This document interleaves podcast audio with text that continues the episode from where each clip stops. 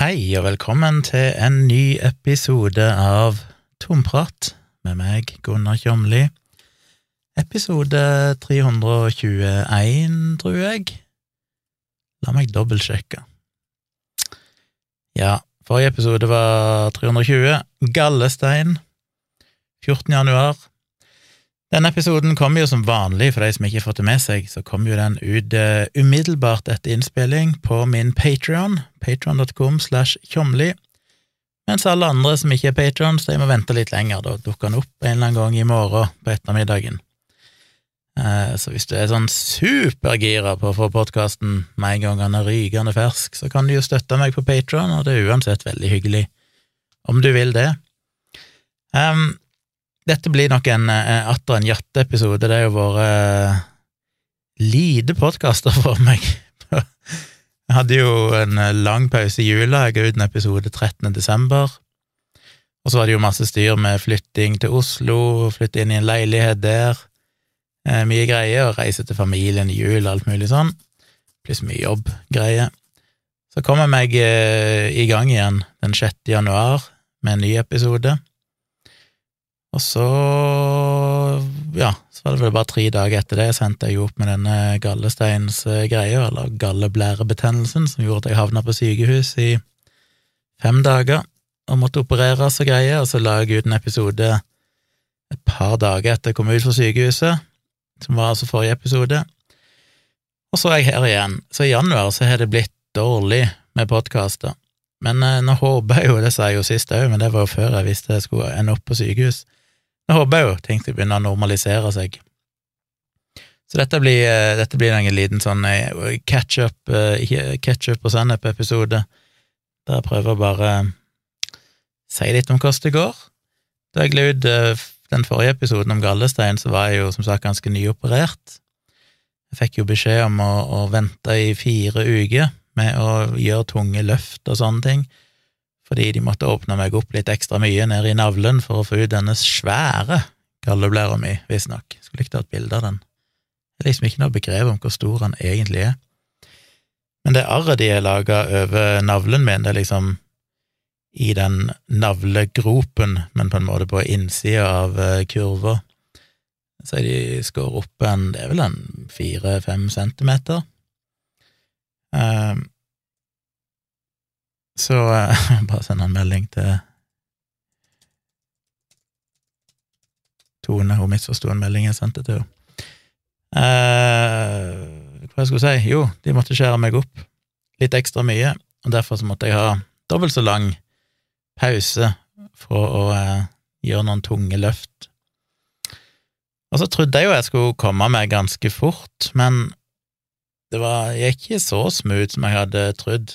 Eh, for det første så, så hater jeg jo når sånn informasjon ikke er sånn ultratydelig. Altså, de var jo flinke med å gi informasjon eh, på sykehuset. Jeg fikk jo med meg en, eh, en sånn skriveri hjem der det sto hva jeg skulle gjøre. Jeg ble jo bandasjert, alt opp til. De setter jo på sånn eh, Altså, de sårene der de har stukket gjennom kroppen min, de er jo sydd på innsida, og så på utsida så har de bare satt på noen sånne sånn bitte små plaster for å lukke såret på utsida, så det skal gro igjen fint. Eh, og så oppå det igjen så hadde de noen sånn vanntette plaster, altså noen store plaster eller bandasjer, som gjorde at det skulle være vanntett og ikke komme noe grums inni der. Og så fikk jeg jo beskjed om at eh, de måtte bytte hvis de ble fuktige, så hvis jeg dusja og sånn, så måtte jeg bytte de etter de hadde tørka. Jeg fikk med meg en håndfull med sånne plaster sjøl, bare så jeg hadde liksom til første dagen, men så måtte jeg gå og kjøpe på eh, måtte jeg gå og kjøpe på apoteket en del mer, og de koster jo en del. Det er ikke så billig å kjøpe en fivepack med sånne plaster, det koster jo en hundrelapp omtrent, så Og jeg var nok litt eh, overdreven, fordi jeg blir, alt, jeg, jeg blir sånn, jeg blir livredd for at noe skal gå galt, så jeg bytta jo plaster hver dag. Hvis ei Tone hjalp meg, så etter jeg hadde dusja, så lot jeg de tørke litt, og så kom Tone og bytta alle plasterne mine. Eh, det var vel strengt tatt ikke nødvendig, tror jeg. Eh, snakka Endte opp med å ta en prat med Wasim Sahid for å høre litt med han hva jeg egentlig skulle gjøre, for at i den informasjonen jeg fikk, så står det jo så Det virker så greit, liksom, og det sa de jo på sykehuset òg før jeg ble sendt hjem, at Ja, de der, de der små plasterne som lukker sårene, de faller av av seg sjøl etter hvert. Og så står det vel òg den informasjonen at de kan fjernes når såret er grodd. Men det er bare sånn, hvordan skal jeg vite om såret er grodd når de er dekka av plaster? Og hvis de skal dette av seg sjøl, så kan jeg ikke ta de av for å se om såret er grodd. Eh, og jeg forsto det jo som at jeg trengte bare å plastre meg sjøl i en sånn fem til sju dager, eller noe sånt, selv om det kom liksom ikke helt fram. Det sto liksom bare at når de detter av av seg sjøl, så er det greit. Men så lenge du hele tiden dekker de til med bandasje, og de da tydeligvis aldri detter av av seg sjøl, så vet, visste jeg ikke helt hva jeg skulle gjøre.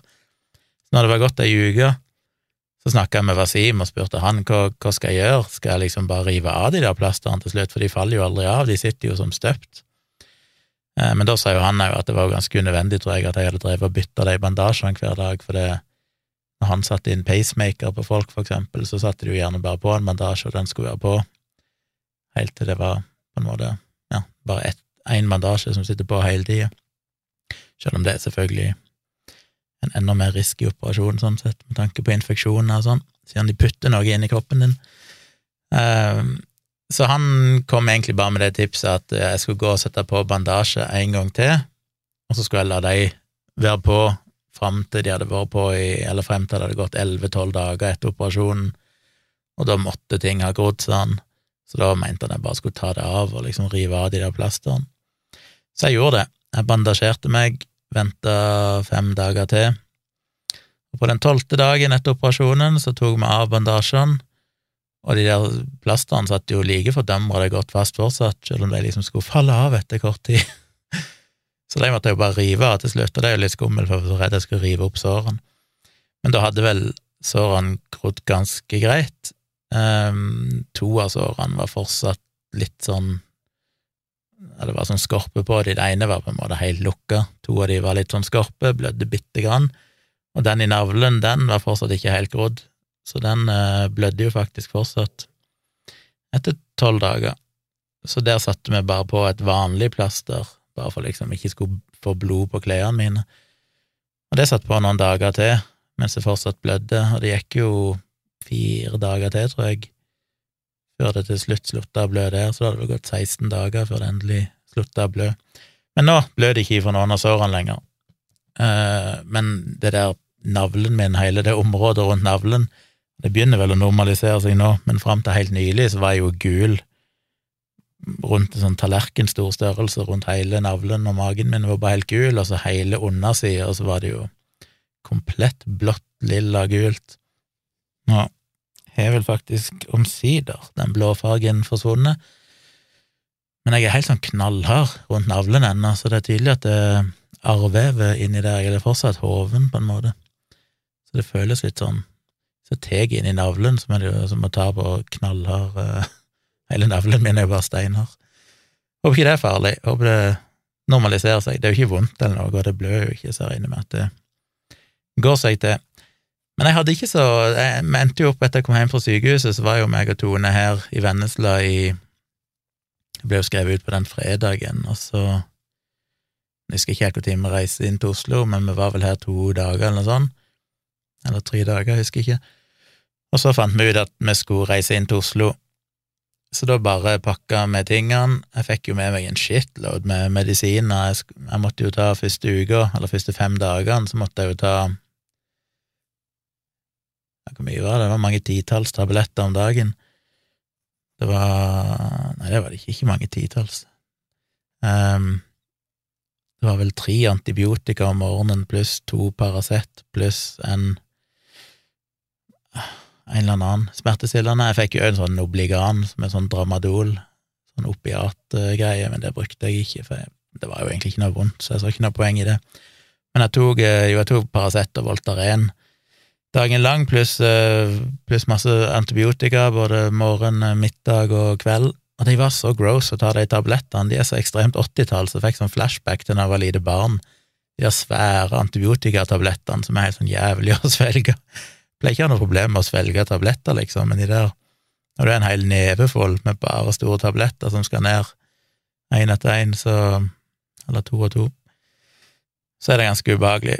Pluss at den der antibiotikaen fucka meg ganske opp. Jeg mener, da hadde jeg jo de siste tre, nei, fire dagene jeg lå på sykehuset, så ble jeg jo pumpa full antibiotika intravenøst. Og så fort jeg ble skrevet ut, så måtte jeg jo ta masse antibiotika hver dag. Og det fucker jo litt med magen og sånn. Men det som overraska meg, var at det fucka så jækla med smakssans og luktesans. Så mens jeg gikk på den antibiotikaen, så smakte alt helt weird, og alt lukta rart. Jeg gikk rundt med sånn kronisk ugrei lukt i nesa mi. Jeg bare følte at det lukta vondt overalt. Og det gikk vel over omtrent når jeg slutta med antibiotikaen, men eh, smakssansen min er fortsatt ikke helt sånn som han var. Ikke at jeg ikke har smak, men det er bare at ting smaker ikke noe særlig godt. Eh, det positive med det er jo at jeg har jo ikke egentlig snust siden jeg ble lagt inn. Når jeg lå på sykehuset, så var det vel to eller tre ganger, så når jeg fikk lov til å spise, de gangene jeg fikk lov til å spise, så heiv jeg innpå en snus, men det var liksom ikke noe godt der heller, så jeg hadde bare snusen inne en bitte liten stund, og så spytta jeg den ut igjen. Og etter operasjonen på, på, torsdagen på kvelden, da når jeg tenkte sånn åh, nå kan jeg endelig spise og drikke og gjøre hva jeg vil igjen, så måtte jeg liksom hive innpå en snus, men så var ikke det heller noe særlig godt. Og så smakte bare ikke snusen noe godt, cola smaker fortsatt ikke godt, som jo er helt krise. um, og de første par ukene så gikk det relativt greit, eller de første dagene iallfall, så gikk det relativt greit uten snus fordi da heiv jeg innpå så mye tabletter og smertestillende og greier at kroppen min var vel ikke helt i vater. Men, eh, men så har jo selvfølgelig nikotintrangen begynt å, å, trenge seg på. Så fant jeg ut at jeg skulle teste ut litt. Tenk sånn, dette er jo kanskje en gyllen anledning til å igjen prøve å slutte med snus. Da. Nå har jeg jo gått ei drøy uke, nesten to uker uten snus, og ikke følt noe særlig behov for det. Kanskje jeg skal utnytte det. Men så skulle jeg jo da sitte og jobbe i Oslo etter vi kjørte til Oslo. Jeg hadde jo mye å gjøre på jobb fortsatt, så jeg måtte jo Og når du sitter bare foran skjermen sånn, så begynner jo dette her abstinensene å melde seg ganske kraftig. Så jeg tenkte nå, nå må jeg prøve alt som finnes her. Så jeg gikk jo både Først så kjøpte jeg sånn Nicorette nikotintyggis. Det brukte jeg for en 20 år siden ish, litt over 20 år siden, en gang da jeg røykte meg og han jeg starta mitt første datafirma med.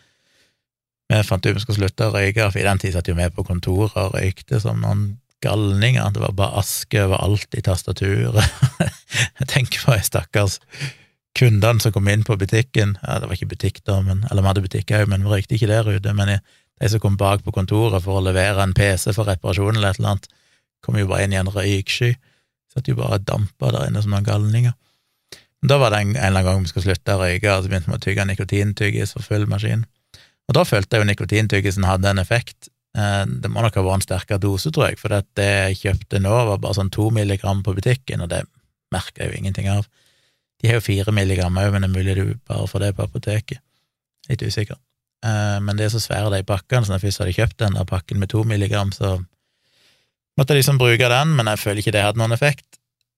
Og så ser jeg jo at de har noe sånn eh, munnpulver, som de kaller det, som er apotekversjonen av snus, som basically er bare sånn kvitt eh, pulver i sånne snusporsjons... Det er akkurat som snus, bare at det er noe sånn kvitt pulver inni som inneholder nikotin, men ingenting annet, basically. Så de har ingen smak. Og det, det, er litt som å, å vape uten nikotin. Hvis du prøver å vape, altså dampe med e-juice som det ikke er nikotin i, så er det jo bare som å inhalere luft. Jeg fikk jo så sjokk første gang jeg oppdaga den og tenkte sånn, jeg trenger vel ikke nikotin, hvorfor skal jeg det, det er jo bare smaken og vanen, liksom. Men første gang jeg prøvde ut nikotin, så sånn at det her gir jo ingen tilfredsstillelse, for det er ingen motstand, det er liksom nikotinen som gjør at det føles som at du det du inhalerer, har substans, på en måte, at det er som en bomullsdott du drar ned i lungene, og ikke bare inhalerer frisk fjelluft. Det hadde jeg aldri falt meg inn før, at denne motstanden på en måte som nikotinen gir, var hele greia, det som gir på en måte en viss glede med å, å inhalere det. Og litt sånn var det med den uh, munnpulveret til, til, apoteket. Det svir jo ikke i det hele tatt, du, det er ingen smak i det. Det er et eller annet med det der når du legger inn på en snus, så skal det liksom svi bitte grann, og det skal jo være en smak i det og alt det der. Men ingenting av det, så det brukte jeg et par av, og så var det sånn, det er helt meningsløst, merka ingen effekt av nikotinen, det hadde ingen, ingen effekt på abstinensene i det hele tatt. Og så oppdager jeg at de har jo jammen meg òg sånn uh, Apoteket sin versjon av vaping, som er noen sånn inhalatorer, der du basically kjøper en pakke med noen sånne små ampuller som du putter inn i en liten sånn plastdings, uh, uh, som er bare sånn lite munnstykke på fem centimeter, som du putter en ampull inn i midten, som inneholder egentlig bare en bomullsdott som er gjennomtrukket med nikotin, eller et eller annet sånt. Og igjen, ingen smak, ingen uh, røyk, ingenting. Så igjen, helt like meningsløst, du bare sitter og suger på den, føler ikke at noen ting skjer, det føles som dette her virker jo ikke, jeg har gjort noe galt, men jeg hadde jo gjort det riktig. Men det var helt meningsløst, følte ikke jeg fikk noe nikotin i meg, så jeg blåste vel 1000 kroner på tre forskjellige sånne produkter på apotek og butikk som ingen av de hadde noen som helst effekt i det hele tatt. Så jeg er litt usikker. Det er jækla fristende å, hive inn på en snus, men foreløpig har jeg prøvd å, å holde meg. Så vi får se hva jeg gjør. Igjen så er det jo Lekkerol jeg må dytte i meg, og vanlig tyggis og, og greier. Men, men, vi får se. De nikotinsubstituttene har iallfall ikke mye for seg. Um, så var jeg jo som sagt ikke så god. Jeg kom til Oslo, begynte å jobbe, men det jeg ikke hadde tatt helt høyde for, det var jo hvor dårlig jeg ble i magen. Både av at jeg dytta i meg antibiotika, som vel fucka opp alt av tarmbakterier og sånn, pluss at selvfølgelig, når du fjerner galleblæra, så skjer det jo litt eh, endringer i systemet. Eh, levera fortsetter jo å produsere galle, men når du har en galleblære, så blir det, renner det så vidt jeg har skjønt, ned i gallen, galleblæra, og egentlig samler seg opp der, og så når du spiser mat, så skjer det en eller annen reaksjon som gjør at galleblæra tømmer seg, og på en måte tømmer galle ned i tarmen, i tynntarmen, for å hjelpe med fordøyelsen av fett og sånn. Når du ikke er galleblære, så renner egentlig bare gallen rett ifra ja, der det blir produsert i levra, rett inn i tarmen kontinuerlig. Eh, og det funker helt fint. Du, I utgangspunktet, som jeg sa i forrige episode, så sier jo legen at du skal egentlig ikke merke noe særlig til det. Kanskje du blir litt merker litt forskjell de første ukene, men Men jeg eh, Ja, nå er det jo gått Nærmer seg jo Det har gått to og en halv uke omtrent siden jeg ble operert, og jeg er jo ikke Jeg er ikke helt god i magen, det må jeg jo si, men det går greit nå. Men jeg hadde noen dager de første dagene som var helt jævlige fordi jeg var altså så Det var liksom sånn kombinasjon av at jeg var diaré og mye luft i magen, og samtidig var jeg òg hard i magen, så når jeg gikk på do, så kunne jeg bli sittende der, det kom liksom ikke ut noe, og så plutselig så var det bare diaré, og så var det ja, Sorry for uh, eh, TMI her, dere får uh, tåle det, dere vet hva dere går til med denne podkasten her. Her kommer alle the gory details. Så jeg gikk jo på Jeg husker jo den jeg uh, hadde en operasjon for noen år siden, der bak i ræva mi, så måtte jeg jo kjøpe sånn eh, Duffalakk, eller hva det heter, som er noe sånn Det er så Det er ikke noe særlig behagelig, selv om det egentlig er helt, helt ufattelig behagelig, for det er jo basically bare en sånn veldig søt sirup som du drikker en kork av 15-45 milliliter, litt avhengig av hva du trenger, eh, en gang om dagen og så hjelper det på en måte til å trekke væske inn i tarmen og skal da forhindre hard mage, og det er jo greit hvis du har hatt en operasjon der bak og trenger liksom å ha mjuk avføring en periode. Så jeg kjøpte det, men så ble jeg usikker, men, men bør jeg ta det, for jeg har jo òg løs mage, så i tillegg så kjøpte jeg jo sånn Imodium, er det det heter, som er sånn akutte akutte diarétabletter. Så den ene dagen så var jeg sånn skikkelig dårlig i magen, så jeg heiv inn på to av de der Imodium-tablettene, og det virka som de hjalp. Det tok ikke lang tid da før magen roa seg. Men så litt seinere, noen timer seinere, så heiv jeg inn på Duffalak, sånn for å forberede meg til at det skulle liksom bli bedre i magen til neste morgen når jeg skulle på do. Og det funka jo for så vidt. Men jeg hadde et par, eh, spesielt to dager, som var skikkelig utrivelige. Der etter jeg hadde vært på do, så var jeg så mørbanka der baki at det kjentes ut som jeg hadde blitt gjengvoldtatt av en, en en hel flokk med hingster, eh, eller at et helt fotballag hadde stått etter tur og bare sparka meg i analen. Og da ble jeg helt satt ut av spill, så jeg ble jo bare sitt liggende i senga. Det varte jo i sånn tolv timer eller sånn ifra jeg var på do om morgenen til jeg endelig smerten begynte å gi seg. Og da måtte jeg hive inn på alt. Da hiv jeg inn på Paracet og Ibux, e og da for første gang tok jeg sånn Dramadol eller sånn Obligan eh, men ingenting hjalp. Og det er liksom bare den greia i denne her eh, Jeg hadde jo en diskusjon med ei venninne der vi begynte å snakke om dette her som jeg egentlig ikke visste om før nå, at enkelte mennesker ikke, eller har veldig sånn genetiske årsaker, så tåler de veldig mye morfin. Rundt sånn 1 av befolkningen i Norge eller sånn, må ha minst dobbel dose av morfin for at det skal virke i det hele tatt. Begynte jo nesten å lure på om det var noe sånt som gjaldt for meg òg, for når jeg fikk den morfinen når jeg hadde gallesteinsanfallet på, på den første dagen, så fikk jeg jo en morfinstikkpille oppi ræva eh, idet de sendte meg ifra legevakten og i ambulanse til sykehuset. Den hadde jo null effekt, merker jo absolutt ingen lettelse i det hele tatt. Og de Nobligan-tablettene, eller kapslene, har jo heller absolutt null effekt. Jeg begynte å lure på sånn, virker det sånn her smertestillende på meg i det hele tatt? Men jeg regner jo med at fentanyl virka på meg, siden de ga meg det når jeg ble operert, og jeg kan ikke si jeg Jeg hadde ikke noe sær, jeg hadde jo litt smerter når jeg våkna opp igjen, men det er vel ikke unormalt. Så jeg ble litt sånn litt, litt nervøs, min bror, han yngre bror, han har jo òg fjerna galleblære og gjort noen andre operasjoner, og han nevnte jo det før jeg Uten at jeg tenkte på det da, men han nevnte det, jeg satt og prata med han på telefonen, han var på sykehuset, og da nevnte jo han det at han hadde fått noe sånn syntetisk morfin eller et eller annet, som var det som funka for han. Akkurat der og da så kobla jeg ikke, men da begynte jeg etterpå nå, så begynte jeg å tenke sånn shit, kanskje det er det som er greia, kanskje denne morfinstikkpilla rett og slett ikke har noen effekt på meg, kanskje det er noe genetisk i Tjomli-familien. Det er sånn det hadde vært kjekt å vite da, til neste gang, om jeg kunne si det hvis noe sånt skal skje, at du, jeg må ha, jeg må ha noe annet enn dette her. Men jeg vet jo ikke, det kan jo bare være at dosen med morfin jeg fikk, var for liten i forhold til smertene der og da, eller et eller annet. Men iallfall, lite smertestillende som virka, så jeg ble bare liggende to dager iallfall i senga med intense smerter i analen, og um, det er jo gøy. Så kom det seg litt ut på kvelden, da, etter jeg hadde leid i ti-tolv timer, da kunne jeg jobbe litt på kvelden før jeg måtte ta kvelden igjen. Men det har gått seg til. Eh, men det blir en sånn fryktgreie som jo heller ikke er bra, at du blir redd for å gå på do. Og det hjelper jo heller ikke på, på tarmene. Når du blir stressa og opplever frykt, så er jo det bare en ond sirkel. Det er sånn at jeg gruer meg til jeg skal på do, for jeg er sånn, hva skjer nå?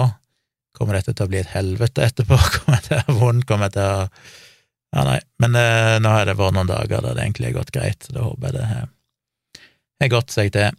Ulempen er som sagt at jeg fortsatt ikke smaker ting som jeg gjorde før. Så jeg håper at det normaliserer seg etter hvert. Jeg trodde jo først det var bare den antibiotikaen, men eh, Og det var jo primært den, for da lukta jo ting rart og sånn òg. Nå har stort sett det normalisert seg. Men jeg får se. Vi får se. Jeg merker jo at jeg ikke Jeg er liksom bare sånn 90% i form, som overrasker meg litt. Jeg alltid kommet meg alltid så greit etter sånne operasjoner og sånn. Denne gangen så er det litt sånn det, det er ikke at jeg har noen spesielle smerter eller noen ting, jeg bare merker at ting er Det er liksom litt i ulage i kroppen. Merker det at det har skjedd ting inni der, og at det tar litt tid for at ting skal normalisere seg. Én ting jeg gjorde, var vel dagen eller to dager før, tror jeg, enten dagen før eller to dager før eh, jeg fikk det gallesteinsanfallet, så lå jeg midt på natta og tenkte at eh, shit, jeg må, som jeg har snakket om mange ganger i denne podkasten, jeg må komme i bevegelse. Og jeg kikka jo på det i fjor høst en gang, så tenkte jeg sånn eh, Jeg kommer meg jo ikke ut så det som er løsningen, den, den nærliggende løsningen, er jo ei tredemølle. Men tredemølle er jo svære beist, og de koster jo en formue, og det er rett og slett ingen plass i dette huset jeg har plass til ei tredemølle. Eh, selv om jeg bor i et hus, er det relativt små, trange rom overalt her, det er liksom ingen plass du har plass til å ha ei svær Det er ikke noe tomt rom her, alle rommene er i bruk. Så det måtte jeg bare slå ifra meg. Men så dukka det vel opp rett og slett en annonse, eh, var det på Instagram eller noe sånt, eh, som vel først var en eller annen romaskin, tror jeg. Så ble jeg bare litt nysgjerrig på den, tenkte sånn, ja, romaskin. Men når jeg klikka meg inn på den, så jeg husker ikke hvordan veien gikk, men av en eller annen grunn så endte jeg iallfall opp inne på en VG-artikkel der de hadde testa sånne gåmaskiner. Altså egentlig tredemøller, men litt mer enkle, simple greier som er mest beregna på gåing, og noen av de kan òg jogge på men de er relativt kompakte og små, og så leste jeg gjennom en sånn test av dem, og så var det en som var liksom best i test, og egentlig virka som ganske perfekt for mitt bruk. Eh, noe som heter for en walking pad. Jeg husker ikke hvor produsenten er, Kingsman eller et eller annet sånt, kinesisk greie. Som egentlig var ganske perfekt. Ideelt sett skulle jeg jo hatt en sånn liten en som bare er en walking pad uten noe stativ på, så jeg kunne putte den under pulten, og så kunne jeg ha gått mens jeg jobba. Men det funker ikke her, både fordi jeg har på ingen slags måte plass til det under pulten her, eh, og i tillegg så kan jeg ikke heve pulten, så det ville blitt feil høyde og alt mulig sånn. Så jeg kjøpte en som heter et lite, simpelt stativ. Jeg likte designet på det, det var litt sånn futuristisk og litt Apple-aktig. Og så kan du legge den sammen, du kan brette på en måte den, eh, den, eh, det båndet du går på, kan du brette på midten og folde sammen som et trekkspill, som blir relativt kompakt og liten. Så hvis ikke du bruker den, så kan du lett sette den inn til en vegg, eller hvis du har et skap, det har ikke jeg, da, men har du hatt et stort skap, så kan du putte den inn i skapet og sånn. Og det tenkte jeg var perfekt, for da kan jeg ha den stående oppe i stua, og jeg kan se på TV og sånn, se på YouTube mens jeg går en halvtime, time, eh, og det hadde jo hjulpet betraktelig, for det at for meg så er det ikke mye som skal til for at det blir bedre enn det det er nå. Jeg trenger liksom ikke å jogge eh, tre mil om dagen med, med, med ti graders helling og alt mulig sånn. Jeg trenger bare et bånd jeg kan gå på. Hvis jeg kan gå en halvtime hver dag, så vil det være liksom en, en stor forbedring i forhold til sånn den passive livsstilen jeg har akkurat nå. Så en sånn en walkingpad passer meg helt perfekt. Jeg gikk inn og kikka, var selvfølgelig litt dyrere enn det jeg hadde håpet, kosta vel rundt 10 000, 9000 et eller annet, men jeg tenkte at det er vel verdt det hvis det står om liv og helse, holdt jeg på å si. Så jeg bestilte den. Eh, så ble jeg jo selvfølgelig dårlig etterpå, og så skulle den selvfølgelig leveres eh, i utgangspunktet akkurat når jeg var på sykehuset. Eh, men så er det jo Post Nord, og da ble det jo, gikk jo ting mye treigere enn det det egentlig skulle ha gjort, og det passa jo bra akkurat i den sammenhengen, siden jeg ikke var hjemme. Men den skulle egentlig leveres på fredagen, da den dagen jeg ble skrevet ut for sykehuset, og da var det sånn, ja, den skulle leveres innen klokka ti på kvelden. Eh, det sto i appen, og det sto i meldinga jeg fikk, men eh, klokka ble ti på kvelden, og ingenting skjedde. Så tenkte jeg ja, ja, så jeg gikk inn i appen, da, og så satte jeg ok, neste mulighet for levering, det var mandag mellom klokka og sånn og sånn, så valgte jeg det, da, bare for sikkerhets skyld. Og da kom han jo, på en måte, men han kom i den forstand at jeg fikk melding om at han var levert, og så kort tid etterpå så ringte det et ukjent nummer som jeg da først trodde sikkert var Post Nord. der de begynte å snakke om en pakke som var levert, jeg bare sånn hæ? Skjønte det var en som snakka veldig dårlig norsk. Og så etter hvert så skjønte jeg at det var en av naboene her som bor sånn 100 meter vekke opp en bakke, som sa at eh, noen hadde kommet og levert en svær kasse ut forbi hans adresse. Han, trodde kanskje det var et slags treningsapparat eller noe sånt. Og så sier jeg ja, ja, ja, den er til meg. Og så sa jeg ja, kunne jeg komme og hente den der. Så tenkte jeg bare fuck. Eh, altså, hvor talentløse går det an å bli? Det står altså, det, husnummeret står jo med svære bokstaver på veggen her. Allikevel så kjører han bare forbi og leverer han med et helt annet hus, som det er som sagt opp en bakke, en dritglatt bakke. Og denne her greia er jo ikke lett, han veier vel 50 kilo, en svær kasse. Eh, og jeg kunne jo ikke bære, for jeg hadde jo nettopp kommet hjem fra sykehuset, så jeg måtte jo få Tone til å, å bære for meg, og hun klarte jo heller ikke løfte han, så det endte jo opp med at vi måtte stå og dra han langs asfalten, så han ble jo helt herpa på undersida. Men det var heldigvis bare kassen da på utsida, så det er ikke så farlig, men vi måtte liksom bare dra han langs en grusete asfalt. De hundre meterne, så måtte be naboen min sende en melding til naboen min og spørre om han kunne komme og hjelpe og bære han inn, for vi har ganske sånn lang trapp opp til andre etasje, der hovedinngangen er. Og heldigvis så stilte han opp når han kom hjem fra jobb. Så han og Tone fikk eh, dratt den med seg inn. Men så reiste jo vi samme dagen, da. Ja, det var mandagen, ja. ja så det var tydeligvis mandagen vi reiste, tre dager etter jeg kom hjem fra sykehuset. Reiste vi til Oslo, så den ble bare stående i gangen. Men jeg kom hjem nå i går, kom jeg vel hjem fra Oslo etter å ha vært der i omtrent to uker, så eh, måtte jeg jo finne ut hva jeg skulle gjøre med denne her fuckings walkingpaden, for jeg har lyst til å bruke den. Så jeg kom så langt i dag som at jeg pakka den ut av kassen, men det er jo ikke sjans at jeg klarer å få den med meg opp i stua, som er i tredje etasje. eh, fordi jeg har jo ikke lov å løfte tunge ting. Og selv om jeg hadde hatt lov å løfte tunge ting, så tror jeg ikke jeg klarer å, å løfte den alene. Så foreløpig så står den i gangen her nå, jeg er litt usikker på hva jeg skal gjøre, kanskje jeg må bare prøve å slepe den med meg inn på soverommet og bare sette den opp der. Det er ikke like optimalt, for der er ikke noe TV sånn jeg kan se på, men da får jeg kikke på mobilen eller et eller annet mens jeg går, eller hører på podkast. Og så får jeg se om to uker, når jeg liksom er, skal ha lov å løfte tungt igjen, ifølge legen, så får jeg se om jeg klarer å, å få den opp i stua hvis jeg ønsker det. Men jeg, jeg gleder meg for litt til å teste ut den, eh, hvis jeg finner en plass. Jeg, eh, hvis det er en plass inn på soverommet, jeg er litt usikker, jeg må kanskje flytte noe, noe greier der for å få plass til den, men hvis jeg klarer å få rigga den opp, så gleder jeg meg litt til å teste den. Det tror jeg kan være um, hvis jeg bare klarer å motivere meg sjøl til å gå en halvtime hver dag på den, så er liksom mye gjort. Da er jeg langt over, over snittet i det siste. Og det er jo interessant med denne Apple Watchen og, og iPhonen, hvordan den følger med på helsa mi. Det ene var jo det at eh, når jeg var i Oslo, så fikk jeg plutselig en melding igjen på, på klokka mi om at det var registrert en endring i pulsen måtte jeg inn og se, og da hadde han funnet ut at de siste 13 dagene så hadde pulsen min sunket betydelig. Igjen, selvfølgelig, fordi jeg ikke hadde snust da på de 13 dagene, for det starta fra den dagen jeg ble lagt inn på sykehuset. Eh, så igjen, den merker umiddelbart hvis jeg slutter å snuse, så registrerer klokka at eh, nå er pulsen gått ned, og det er ikke så rent lite heller, det er sånn 10–15 slag i minuttet. Da ble jeg lagt inn på sykehuset på, på den mandagen, eh, for tre uker siden nå. Tre uker siden? To uker siden. Nei, tre uker siden. Tre uker siden jeg ble lagt eh, inn, ja. Så eh, så, så, var det jo leger der hele tida og målte blodtrykk og puls og sånn, og iallfall to av legene kommenterte jo at jeg hadde så lav puls. Eh, jeg var jo så i ørska da, jeg hadde jo så vondt og, og sånn, jeg tenkte ikke noe særlig over det, men jeg så på på iPhonen min inne i helseappen, så kan jeg jo faktisk se det ganske så tydelig.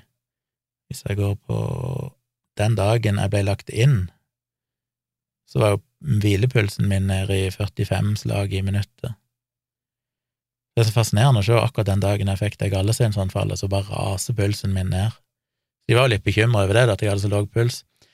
Men etter jeg slutta med snusinga de siste siste dagene i Oslo så har jo pulsen min vært nede på noen og 40 i hvilepuls, og det er så paradoksalt, for at uh, denne helseappen har jo en sånn kondisjonsmåler som vel måler VO2 maks-nivået, og der ligger han jo på lavt. Det er liksom sånn på lavest nivå, og jeg får jo av og til noen sånne advarsler om at du er veldig dårlig kondisjon, Tjomli, når du tar deg sammen her. Men samtidig så er jeg jo en hvilepuls som en uh, idrettsutøver, står liksom inne på informasjonen om hvilepuls, så står det jo at uh, Nei, det står ikke appen, jeg googla vel det, men hvis du hadde mellom 50 og 80 eller noe sånt, det var vel det som var normalt. Hvis du var veldig dårlig trent, hadde dårlig kondisjon, så kunne du ligge på en hvilepuls opp mot 100 og sånn, og det var jo ikke bra. Og jeg har jo veldig dårlig kondisjon, ifølge appen, men jeg er samtidig en hvilepuls som ligger under normalen. Så det er jo for så vidt kjekt, tror jeg. Et godt tegn. Og det er veldig motiverende. Det er nesten utelukkende, eller det er vel egentlig utelukkende det som gjør at jeg har hatt noe som helst motivasjon til å ikke begynne å snuse igjen med en gang. Det er bare det at det er sånn, ah, fuck, det er Jeg liker det der, der med den, den lave hvilepulsen. Det er et eller annet motiverende med akkurat det. Så jeg får se om det om det varer.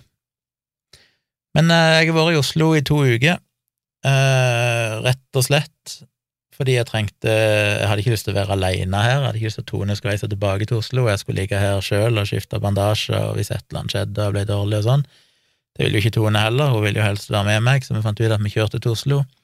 Og det var egentlig veldig greit, det var deilig å bare være i Oslo og chille og ha Tone der til å passe på og hjelpe meg, og springe på apoteket og kjøpe ting jeg trengte, og, og skifte bandasje og alt mulig sånn. Eh, så det var egentlig veldig chill to uker, så jeg har prøvd å jobbe litt når jeg kan. Jeg hadde jo en fotoseanse her på Brasseri Hansken her på torsdag i forrige uke, der jeg eh, hadde med meg ei venninne, ei fotoglad venninne, som har vært med meg et par ganger før på forskjellige oppdrag, til å hjelpe meg å bære, for jeg måtte jo ha med meg diverse lys og utstyr, og jeg kan jo egentlig ikke bære sjøl i den tilstanden jeg er i, så hun måtte hjelpe meg å bære litt, hjelpe meg å rigge litt og sånne ting. Men da fikk jeg gjort den fotoseansen, og det var gøy. Jeg må få gjort ferdig de bildene, må jeg huske på. Eh, ellers så skjedde det vel ikke noe spesielt. Dattera mi kom jo da inn til Oslo med bussen på fredag for å sjekke ut leiligheten vår og sånn, og så var det litt for å feire bursdagen hennes, hun ble jo 16 nylig, men det var jo akkurat når jeg var på sykehuset, så da fikk jeg være med på feiringa. Vi ble enige om at hun skulle komme til Oslo, og så skulle vi se Avatar 2, for vi så Avatar 1, den gamle avataren, i jula. Den hadde ikke dattera mi sett før, så da så vi den sammen. Og så sa vi at vi skulle se Avatar 2 så fort den kom på kino. Så hadde vi egentlig billetter da, tidligere, men da ble jeg sjuk og på sykehuset, bla, bla, bla, så vi fikk gjort det, men så fikk jeg nye billetter i Oslo. Så gikk vi og så den. Pluss at hun fikk eh, shoppa litt og kose seg, og vi gikk og spiste på hennes favorittspisesteder og sånn litt sånn tradisjoner for den tida. Hun drev og kom og besøkte meg i Oslo når jeg bodde der når hun var yngre. Alltid litt koselig å liksom bare gjennomføre de der Oslo-ritualene som, som jeg liker å gjøre. Så hun var hos oss eh, fra fredag til søndag, og så kjørte meg og hun hjem igjen nå i går, altså søndag ettermiddag. Hadde vi en liten roadtrip fra Oslo, mens Tone er igjen i Oslo. Så får jeg se når jeg reiser tilbake til Oslo igjen, kommer litt an på dattera mi og når ting passer for henne, og om det blir noe bytting av helger og alt dette her greiene. Men, eh, men, ja. Jeg har jo funnet en, en ordning, omtrent, sa jeg kanskje sist òg, men det er jo i kjelleren på den blokka der vi bor, så er det jo et parkeringshus, og det er jo steindyrt å, å være der, men uh, de er jo sånn Facebook-sider for det området der du kan drive og sjekke om folk er ledige parkeringsplasser. Jeg la ut en melding der, og så fikk jeg med svar fra ei dame som jeg ringte da. Og hun hadde jo tre parkeringsplasser der, og mannen hennes hadde visst nylig dødd nå i høst, jeg tipper det er ei eldre dame. Aldri møtt henne, bare snakka med henne på telefonen. Jeg ble enige om at jeg kunne låne parkeringsplassen der og bare vippse henne penger. Og Det gjorde vi denne gangen òg, nå skulle hun være der i to uker, så jeg tenkte det blir kanskje dyrt, men jeg kom med et forslag til en pris til henne og sa kan jeg få to uker for sånn og sånn, og så sa hun ja, det går fint. Så bare vippser jeg opp pengene. Og det er altså så deilig, for da, da står bilen godt og varmt, batteriet synker ikke, for det, det, er jo ja, det er god temperatur der nede. Det er ladere der, så jeg kan bare lade bilen mens den står på parkeringsplassen der, og utrolig behagelig. Eh, så det er litt greit å ha liksom fått henne som en sånn parkeringsplassdealer inne i Oslo, så neste gang jeg skal inn, så kan jeg bare sende en SMS til henne og si hei, kan jeg låne eller leie parkeringsplassen din fra da til da. Så det er veldig greit. Så vi, ja, så meg og dattera mi kjørte hjem, og um, jeg bestilte levering av mat i dag med Oda, fordi jeg skal egentlig ikke bære tunge handlepåser fra butikken og sånn heller. Jeg vet jo aldri hvor de grensene går hen. Det er sånn, hvor mye kan jeg løfte? Jeg har jo løfta litt ting, jeg har jo løfta litt kamerautstyr og dreiv og løfta litt på den der eh, walking-paden min i dag og sånn. Det går vel greit, men jeg får alltid litt panikk at plutselig skal bare noe sånn indre sting revne, og så skal jeg dø av forblødning. jeg er kanskje litt Jeg er kanskje litt overforsiktig når det gjelder sånne ting. Men jeg fikk iallfall mat levert med Oda, så jeg slapp å bære tunge handleposer sjøl ifra butikken og hjem. Ellers har det ikke skjedd så mye. Jeg vet jeg hadde mange ting. Eh, det er jo klassisk det at jeg husker når vi kjørte hjem fra Oslo, meg og dattera mi, så tenkte jeg på to ting som jeg måtte snakke om i podkasten. Hvis jeg kjørte bil, så kunne jeg ikke notere det ned akkurat der og da, men tenker det husker jeg sikkert. Det gjør jeg selvfølgelig ikke. Hvis jeg ikke har skrevet det ned, så husker jeg det ikke. Så, så det ble ikke med. Men det er et par andre ting. Um, for første må jeg si at jeg har jo fått litt mailer, og jeg er jo veldig på etterskudd med alt og det gir meg jo dårlig ja, det, er jo ikke noe greit. Jeg fikk jo en mail her den 11. januar. Det var vel den dagen dagen før jeg ble operert, så jeg lå på sykehuset da. Men ifra ei som heter Sara, eh, og hvis du hører på Sara, så må jeg bare si tusen, tusen takk for den mailen. Jeg eh, beklager at jeg ikke har svart, men som sagt, jeg var på sykehus, og etter det så har jeg liksom ikke hatt helt tid til å kikke på ting, men Jeg fikk rett og slett bare et langt dokument der som vedlegg på en mail, der hun egentlig bare beskriver litt av livet sitt, og at hun er trodd på mye rart og mye alternativ behandling og bla, bla, bla, bla, men at ja, etter at hun begynte å høre på tomprat og sånn, så har hun Hva er det hun skriver? At eh, jeg har gitt henne en enorm verdi her i livet som hun kommer til å ta med seg for alltid. At det liksom endra hele synet hennes på verden, at hun begynte å høre på tomprat, blant annet, og, og sånne greier. For det er jo helt, det er jo helt fan, ja, det er det er jo, så fint å høre sånne ting, at uh, den her bablete lille podkasten min kan bety noe for folk. Uh, ja, jeg ikke Jeg har sagt det mange ganger nok, dette med at jeg føler jo alltid det bare er det jeg sitter og sier, men, men, det er tydelig noen får noe ut av det, og det er jo helt utrolig fint å høre. Så tusen takk, Sara. Den mailen ble lest når jeg fikk den, og jeg har tenkt mye på den og satte veldig, veldig pris på at du tok deg tid til å skrive så mye som du gjorde. Det blir jeg veldig glad for. Eh, fikk òg en melding ifra, eller mail fra en som heter Sindre, som skrev litt om eh, en av de nyere episodene, eller en av de siste episodene, så nevnte jeg jo noe sånn programmeringsgreie, en plug-in til et program som heter VS Code, eller Visual Studio Code, som jeg bruker til å programmere med, som var litt sånn kunstig intelligens. Han spør hva den eh, plug-inen heter, og den heter Tab9, Tab9, T-A-B-N-I-N-E, i ett ord, tror jeg. Tab9 heter den pluginen, plug-inen, Eh, og så skriver han litt om at eh, det er jo en del sårbarheter i sånne plugins, at det har vært avdekka ganske mange eksempler på at sånne plugins kan inneholde sikkerhetshold og kan misbrukes til å tøve og stjele informasjon fra datamaskinen din. Så, så, takk for den informasjonen, det hadde jeg egentlig ikke tenkt på. Samtidig så kom jeg ikke helt utenom det. Det er litt, litt sånn at uh, at jeg trenger de i jobben min, og jeg får ikke gjort jobben min uten de, så Og jeg er en av millioner av andre som bruker de samme pluginsene, og så lenge ikke jeg leser om noen spesielle sikkerhetshold som er farlige, så får jeg håpe at det går greit, men det er greit å være obs på det, selvfølgelig. Men takk for det, iallfall. Det er kult at du eh, sendte meg link og skrev litt om det, men altså, den utvidelsen heter Tab9, hvis noen har lyst til å teste ut den. Uh, fikk jeg jo en lang mail fra ei som heter Ella angående rus og bruk av MDMA og psykedelia og sånn i behandling. Jeg skal se om jeg kan uh, Jeg har ikke hatt helt hode til å lese, det var en lang mail. Um, den var ikke så lang. Jeg har lest den en gang og skumma den en gang til, men jeg må lese den en gang til og se om jeg kan svare. Men han har iallfall lest, Ella, og jeg setter pris på din tilbakemelding. Så vet du det. Så fikk jeg jo ja, et par, jeg har fått mange mailer av uh, Odd Magne, setter alltid pris på det. Men jeg får komme litt tilbake igjen til det seinere, tror jeg. Jeg har noen eh, linker jeg skal snakke om, det for å ta når jeg er litt mer up to date med andre ting. Jeg skal heller ta og trenger ikke bli verdens lengste episode i dag. Jeg vil heller snakke litt om noen andre lettere ting. Det ene er jo Mastodon. Tilbake igjen til det. Eh, jeg har jo brukt Mastodon ei stund nå, og Åh, må åpne en colaboks her.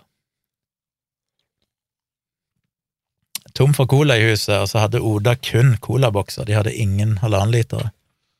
Så jeg måtte rett og slett kjøpe en, hva var det, en tolvpack eller et eller annet med colabokser med Cola Zero.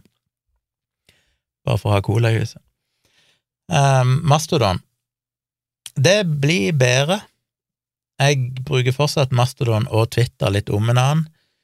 Eh, jo mer jeg hører på ATP-podkasten, der de bare eh, så til de grader skjeller ut Elon Musk og, og hele Twitter-greiene, så får en jo bare mer og mer lyst til å dumpe Twitter av prinsipielle grunner. Det burde en jo egentlig gjort, men det er et eller annet med at jeg har jo, hva er det jeg har, 16 000 eller sånn followers på Twitter, det, det er jo alltid vondt, òg. Selvfølgelig er det jo ingenting sammenlignet med folk som Sam Harris og sånn, som har millioner av følgere, og som har lagt ned kontoen sin. Men det er liksom På en måte er det vondt, på en annen måte så når jeg jo ikke ut til noen på Twitter. Du kan jo dele ting på Twitter, og så er det null effekt. Det er jo ingen som ser det. Og det er vel den konklusjonen jeg føler de fleste jeg har sett, som er alle sånne litt oppegående folkene jeg følger i podkaster, sånn som sier de har bytta til Mastodon, det at de sier jo at de får mye, mye mer respons på Mastodon. Så responsen per eh, post eller tut, eller hva du vil kalle det, er vesentlig høyere på Mastodon, så det egentlig er, er mer igjen for å, gjøre noe der. Samtidig så har jeg jo bare noen hundre følgere på Mastodon, mens på Twitter, som sagt, har jeg liksom 16,3 000. Så det føles litt vondt. Så foreløpig har jeg Twitter-kontoen ennå, men, uh, men, jeg er jo ikke noe særlig aktiv egentlig noen plasser, så prøver jeg å være flink til å liksom bryte gamle vaner når jeg skal skrive noe, istedenfor å gå rett inn på Twitter og skrive det, så prøver jeg, jeg har prøvd i det siste å heller skrive det på, på Mastodon. Men det som har gjort Mastodon uendelig mye bedre enn det var, er jo, som jeg vel snakket om i forrige livestream, at uh, hva de heter TapTapBot, det er det firmaet heter, de som lager tweetbot til Twitter, eller lagde, for nå har de jo lagt ned den etter at Twitter rett og slett bare blokkerte alle fuckings tredjepartsapper helt ut av det blå, i klassisk barnslig, idiotisk Elon Musk-stil. Um, så har jo alle sånne her folkene måttet slutte med de appene, men det er jo mange av de da som har laga Mastodon-versjoner istedenfor. Så da kom jo omsider nå ble han jo lansert, denne appen som heter Ivory, eh, altså elfenben på engelsk, Ivory, som er den eh, Mastodon-varianten av Tweetbot, kan du si. Og den gjør jo endelig Tweetbot til Nei, gjør endelig Mastodon til noe som er brukbart. Jeg snakket mye om det i forrige livestream, at appene rett og slett var for dårlige, og ting var så bedritent. Eh, det er vesentlig bedre når du bruker Ivory. Det er vel kommet et par andre apper òg nå som er litt sånn mer profesjonelle, som ikke jeg har testa ut, men som òg skal være veldig bra. når jeg skal ikke gå de etter. Men hvis du trenger en veldig god app, jeg vet ikke om den finnes til Android, jeg vil tippe at det kanskje bare er til iPhone, men iallfall til iPhone, så sjekk ut Ivory. Jeg, du kan vel jeg husker ikke om du kan bruke den gratis, du kan få bruke den i en demoperiode gratis, og så kan du betale muligens en liten beløp månedlig, og du kan betale mer da selvfølgelig for et år. Men så er det òg en sånn, eh, jeg tror det er sånn pro-abonnement for å betale for et år, men så er det òg noe som heter for premium, tror jeg, det var et eller annet sånt. Det var iallfall en som kosta mer, uten at du egentlig fikk noe ekstra, så vidt jeg kunne se. Det virka mer bare sånn hvis du vil støtte dere litt ekstra, så kan du betale for denne dyre. Så jeg gikk for den. Den koster vel 299 kroner for et år. Det er jo ikke akkurat dyrt uansett. Eh, og jeg føler jo med stakkars firmaen som nå liksom har altså firmaet som har hatt sin eksistens omtrent basert på å lage gode Twitter-apper, og så bare over natta, uten noen forvarsel, så bare stenger Twitter ned og sier sorry, mate, nå funker ikke disse lenger, og mer eller mindre bare tar livsgrunnlaget fra de. Eh, heldigvis er det jo mange av de som allerede for lenge siden så hvor dette bar hen, og allerede begynte utviklingen av Mastodon-klienter før det skjedde, sånn at de var noenlunde klar men eh, derfor valgte jeg å betale ekstra for å støtte de. Så hvis du har råd til det, gjør gjerne det du òg. Gå inn og støtte ser apputvikleren som nå lager Mastodon-apper, som kanskje tidligere lagde Twitter-apper, men da plutselig har fått det livsgrunnlaget revet vekk under føttene. Så jeg betalte iallfall ekstra for å få den dyreste lisensen på Mastodon eh, på Ivory-appen. Men sjekk ut den hvis dere trenger en god, en skikkelig solid, visuelt nydelig, ja, bare rett og slett god eh, god Mastodon-app som bare gjør at Mastodon plutselig blir tusen ganger bedre å bruke. Tilsvarende så finnes det òg på, på, web, og her finnes det sikkert mange ting jeg har ikke fulgt så veldig nøye med, men det er bare tilfeldigvis bare så jeg noen snakket om en ny webklient til Mastodon som heter Elk. Den finner dere på elk.zone, altså elk.zone, z-o-n-e, eh, domenet. Hvis du går inn i nettleseren og bare skriver inn elk.zone, så er det litt sånn uh, lite intuitivt med en gang hvordan jeg logger inn, men nede i venstre hjørne, som er litt sånn lite intuitivt, istedenfor å ha det oppe topp på skjermen der det står 'logg inn', så må du liksom se nede til venstre. Men der kan du altså logge inn på din foretrukne Mastodon-instans eller server. I mitt tilfelle så bare klikker jeg på den, og så bare oppga jeg snabelen.no, og så blir du redirecta til snabelen for å logge inn, og så blir du sendt tilbake igjen.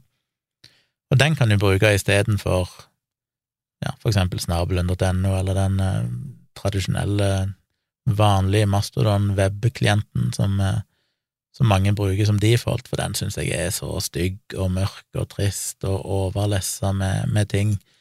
Den her Elk, som ligger ute i en alfaversjon, så det er ikke alt som ikke alt av funksjonalitet som er på plass og sånn ennå, men den gjør alt du trenger, etter mitt syn iallfall, iallfall alt det jeg trenger.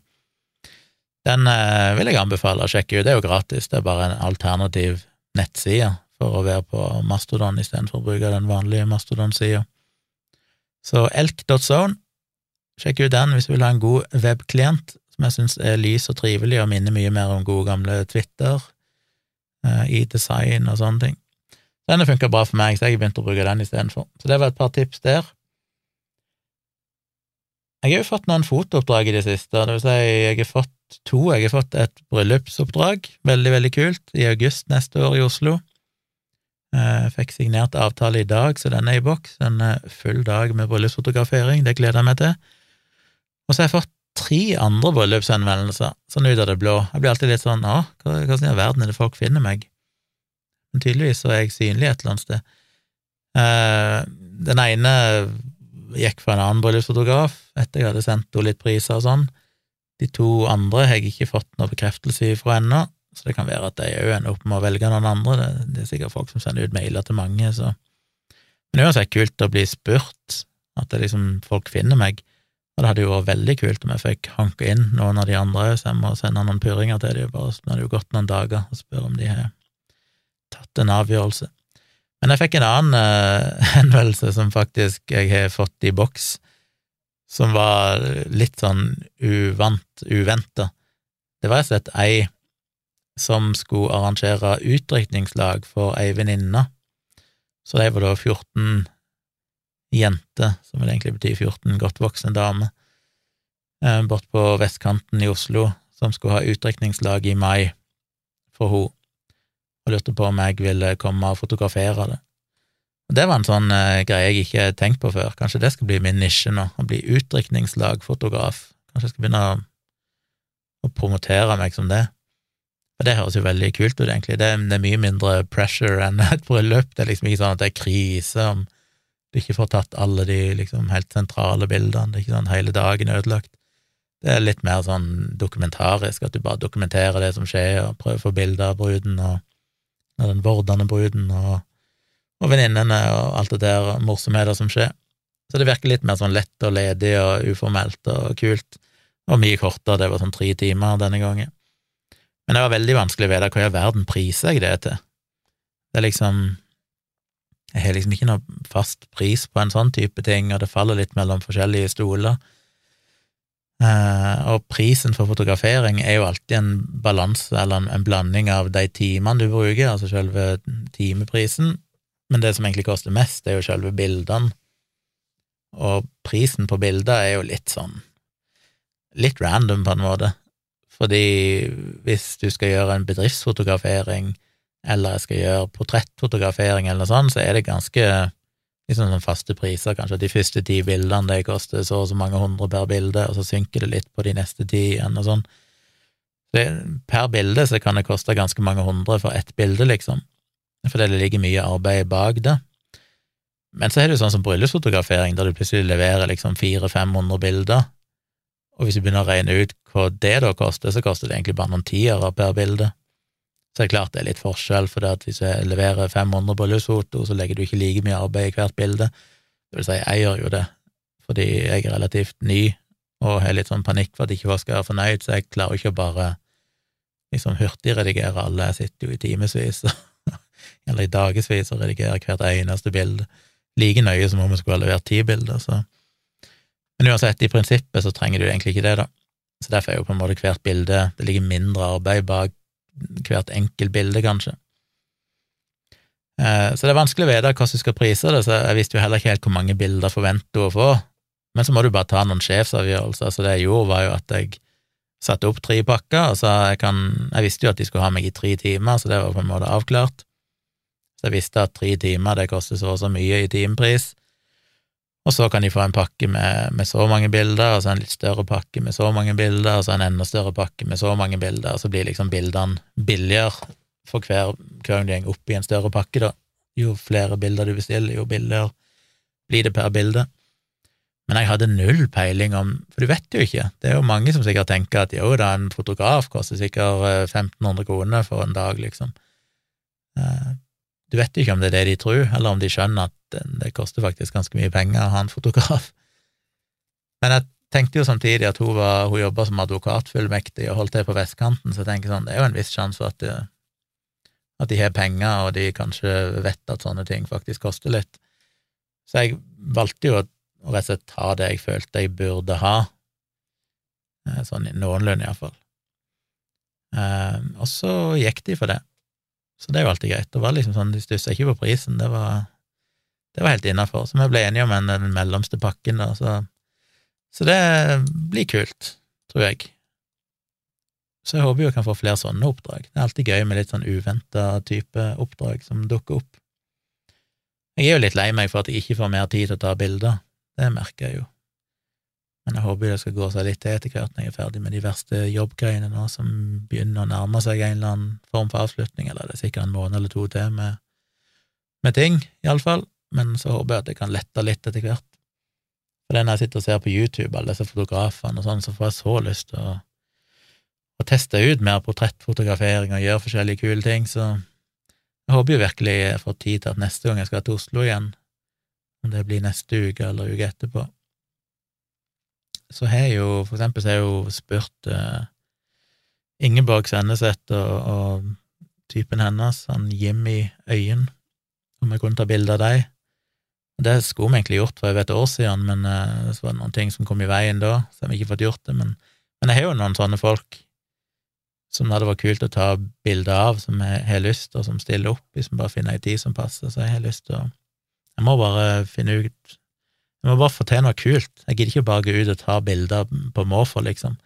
Jeg må ha en plan. Så, så det Og så er jo Tone Jeg har lyst til å ta flere bilder av henne. Men det, det, er liksom ikke så inspirerende med det været og sånn som er nå. Så, men, eh, men, ja, hun stiller jo alltid opp, så må prøve å få gjort mer fotografering etter hvert. Ellers har jeg noen andre anbefalinger.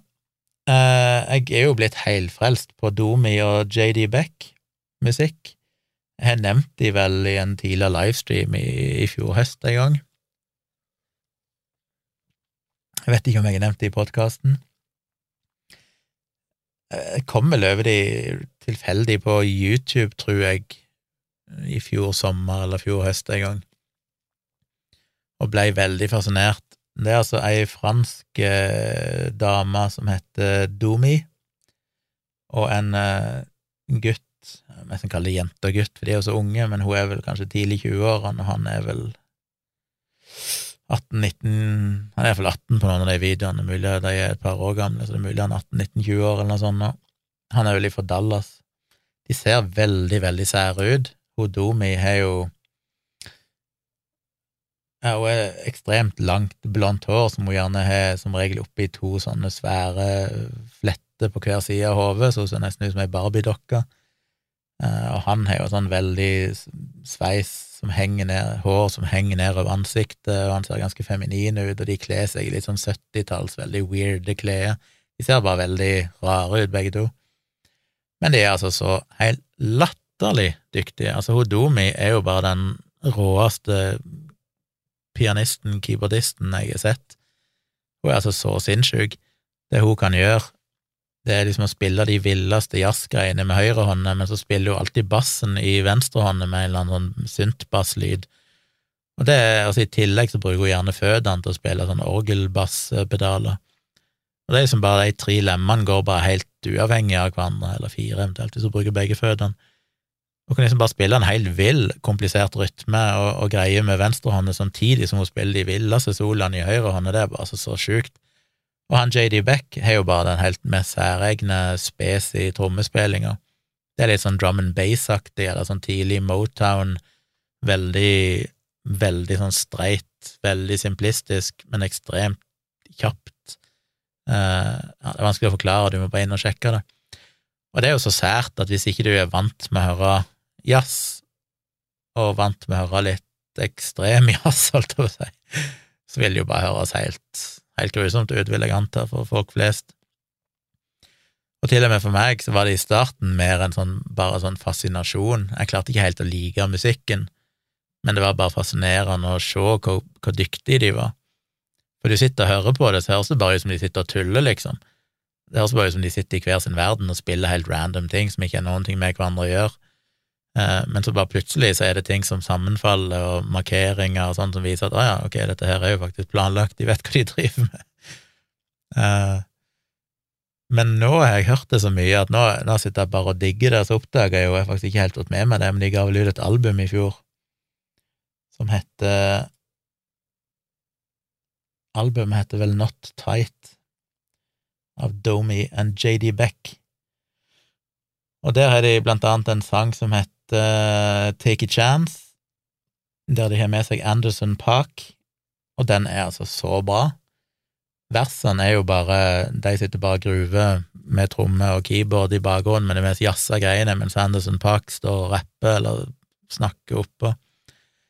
Men så plutselig kommer det en slags pre-chorus eller et eller annet som er ganske fengende, der det er litt mer poppete på en måte, og så går de over i et refreng som er ekstremt fengende og veldig sånn streit, før de plutselig går tilbake igjen til det villeste jazza verset som er bare helt sånn uforståelig igjen. Og så helt på slutten så tar de den helt ut. Det finnes et liveopptak på YouTube der de er på eh, et eller annet sånn talkshow, skal jeg gå feil det, en av de kjente talkshowene, eh, der de spiller det live, som er bare altså så bra. Jeg skal se om jeg finner en link og legge inn i shownotes her, så dere kan sjekke det ut. Tilsvarende med en annen sang som heter Two Shrimps, der det er en fyr som heter Mac DeMarco som uh, synger med de. Han er altså så kul å se på, du må se det liveopptaket der òg. For en sær fyr. Men det er altså så, ja, det er en annen sang uh, der, de, der de samarbeider med Herbie Hancock. De har jo han bassisten Thundercat, som de jobber veldig mye med, som jo er helt sjuk på bass. Det er en sang som heter Pilot, der de har med seg Anderson Park, Buster Rhymes og Snoop Dogg, og litt sånn. Ja, jeg bare sitter og hører på det hele tiden, og det er altså så bra. Så hvis du har noen som helst sans for jazz, eller kombinasjonen av jazz og, og rap, eller hiphop, eller hva du skal kalle det, så må du sjekke ut uh, Domi og JD Beck. Og for mange så vil det kanskje ikke være tilgjengelig, det blir bare for weird, men hvis du er en person som liker det noenlunde den type musikk, så vil jeg anbefale å gi det en sjanse. Hør sanger noen ganger, og så se om ikke du begynner å, å like det etter hvert, for nå er jeg bare så fan av det, og bare elsker å sitte og se klipp på YouTube der de sitter og jammer sammen, og de er altså så sinnssykt dyktige. Eh, rett før jeg ble sjuk, da jeg hadde min første uke her alene i Vennesla uten Tone, så benytta jeg jo anledningen til å sjekke ut den uh, serien på Det er på Netflix han ligger, det ikke det? Som heter We Crashed, som handler om uh, WeWork. Og den uh, må jeg si jeg likte, med Jared Leto og Skal vi sjekke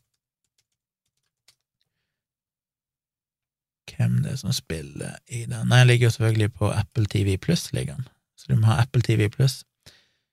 Men uh, Anne Hathaway og Jared Leto i hovedrollene. Og det var så kult å se den, for jeg visste litt om WeWork. Jeg husker jo at jeg fikk jo med meg litt i avisene i den tid dette her skjedde. Det er jo dette firmaet som er hovedpersonen da starta opp, som heter WeWork, som egentlig bare var en sånn co-sharing space, altså bare en plass du kan komme og leie en kontorplass.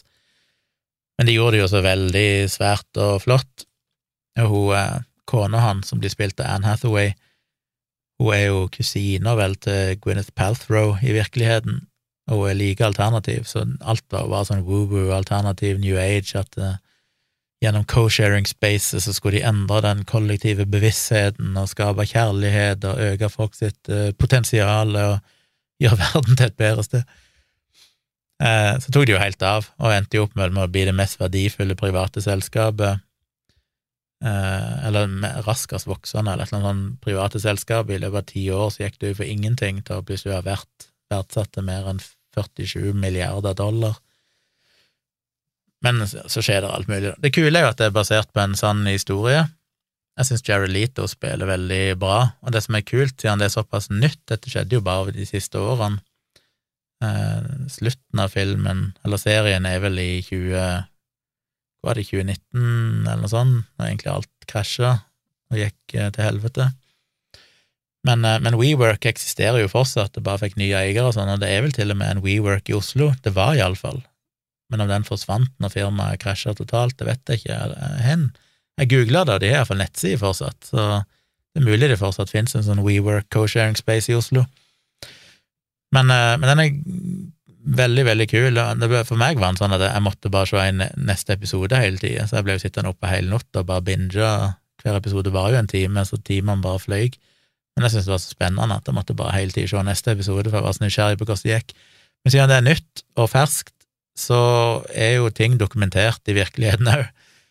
Så de, når jeg så sånne ting, for eksempel at hun kona hans ble intervjua i en podkast som ble vist på YouTube, det viser de på en måte i serien, men så måtte jeg pause og tenke sånn shit, ligger den faktisk på YouTube nå? Så måtte jeg google eller inn på YouTube og søke, og så fant jeg det det opptaket, og det er så kult da, å se å ja, det er sånn det så ut i virkeligheten, men òg se at de, de, liksom har akkurat de samme replikkene, og det hun sier i serien er identisk med det hun faktisk sa i podkasten, og, det er mange andre sånn bilder, fotoshoots og taler som ble holdt, og alt mulig sånn, som du kan finne igjen på nettet, da, videoer og bare se at de har, gjort en utrolig god jobb med å reprodusere alt veldig autentisk. Eh, for etter jeg hadde sett denne dokumentaren, eller dokumentarserien, det er vel åtte episoder eller noe sånt, så, eh, så måtte jeg òg se en sånn halvannen times dokumentar som ligger på Viaplay eller et eller annet sånt, som vel heter WeWork, tror jeg, som er da en dokumentar, ikke en, fiksjon, ikke en eh, dramatisering, men en faktisk dokumentar. Og der får du òg se mange av de samme tingene som er i, i den WeCrashed-serien, men liksom den virkelige versjonen. Da var det så kult å se der òg, og sånn, oh shit, det var jo helt likt som de viser det i, i, i WeCrashed. Og samtidig så er det jo ting de har kuttet ut av WeCrashed, som jeg oppdager i den dokumentaren, at uh, de drev med andre ting òg som aldri blir nevnt i den WeCrashed-serien, men det er for det. Sånn er det jo. Du må kutte ut ting. Du finner ut, du kan ikke gape over alt, du må liksom fokusere på enkelte storylines som du fokuserer på. Men Derfor kan det være nyttig å se begge, da, både se den serien We Crashed, men også sjekke ut den WeWork-dokumentaren. Det finnes iallfall én, om ikke flere, dokumentarer om det. Så jeg eh, må si jeg digger den skikkelig, og vil anbefale den sterkt hvis du er Apple TV pluss. Eh, og så til slutt, så husker jeg ikke om jeg rakk å nevne det. Jeg skulle egentlig nevne det i en tidligere podkast, og så glemte jeg det, og så endte jeg opp med å bare si det i, i en livestream. Og så vet jeg at Dag har jo nevnt det et par ganger i sin podkast, men eh, sjekk ut eh, den eh, podkastserien som heter The New Gurus, eh, som er produsert av BBC. Hva det heter Helen Lewis eller noe sånt, hun er programleder.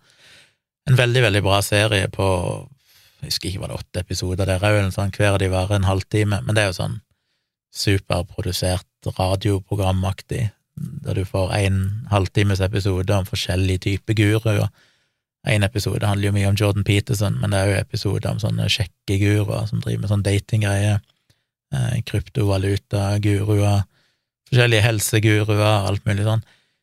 Og den er veldig interessant, for den, den tar på kornet mye av problemene rundt all den hypen rundt disse guruene, inklusiv Jordan Peterson, altså hvor mye bullshit der er, og hvor mye hvor potensielt farlig det er. Samtidig så skal jo, som hun sier sjøl, Helen Lewis hun var jo senere gjest i den andre Guru-podkasten som jeg jo alltid anbefaler, som heter uh, Decoding the Gurus, som er noe helt annet, som bare er to dudes som sitter og prater sammen og dissekerer alt som blir sagt av Jordan Peterson og Joe Rogan og hele den gjengen, Brett Weinstein og alle sånne andre guruene, uh, som er mer bare sånn dialogisk format, at to dudes sitter og prater om ting. Eh, men de hadde jo Helen Lewis som gjest i en sånn tre timers episode, da, der de snakker om alt dette her.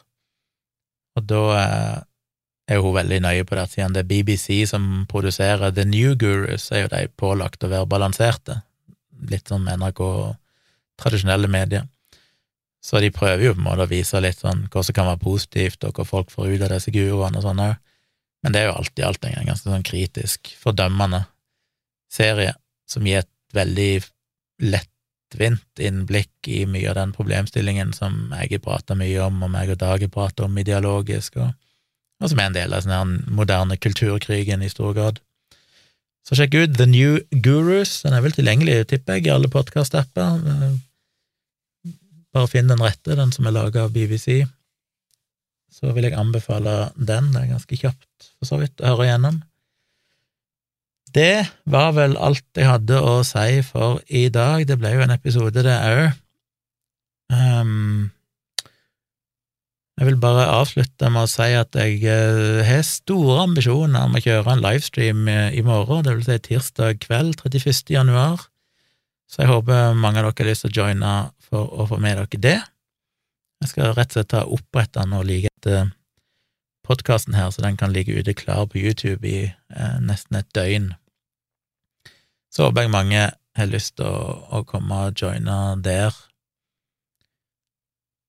Ja, jeg vet helt når det blir. Det blir kanskje Blir kanskje i ni-tida. Får se om jeg klarer å, å, dra det i gang allerede da. Men eh, dere finner uansett info om det på, på YouTube. Når dere ser videoen dukke opp der, eller livestreamen ligger klar.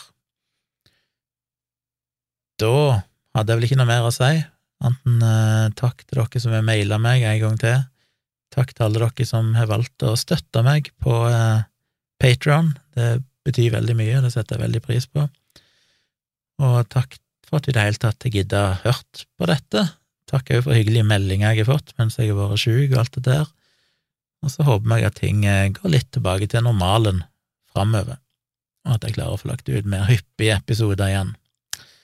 Yes, da takker jeg for meg. Vi høres igjen forhåpentligvis neste uke.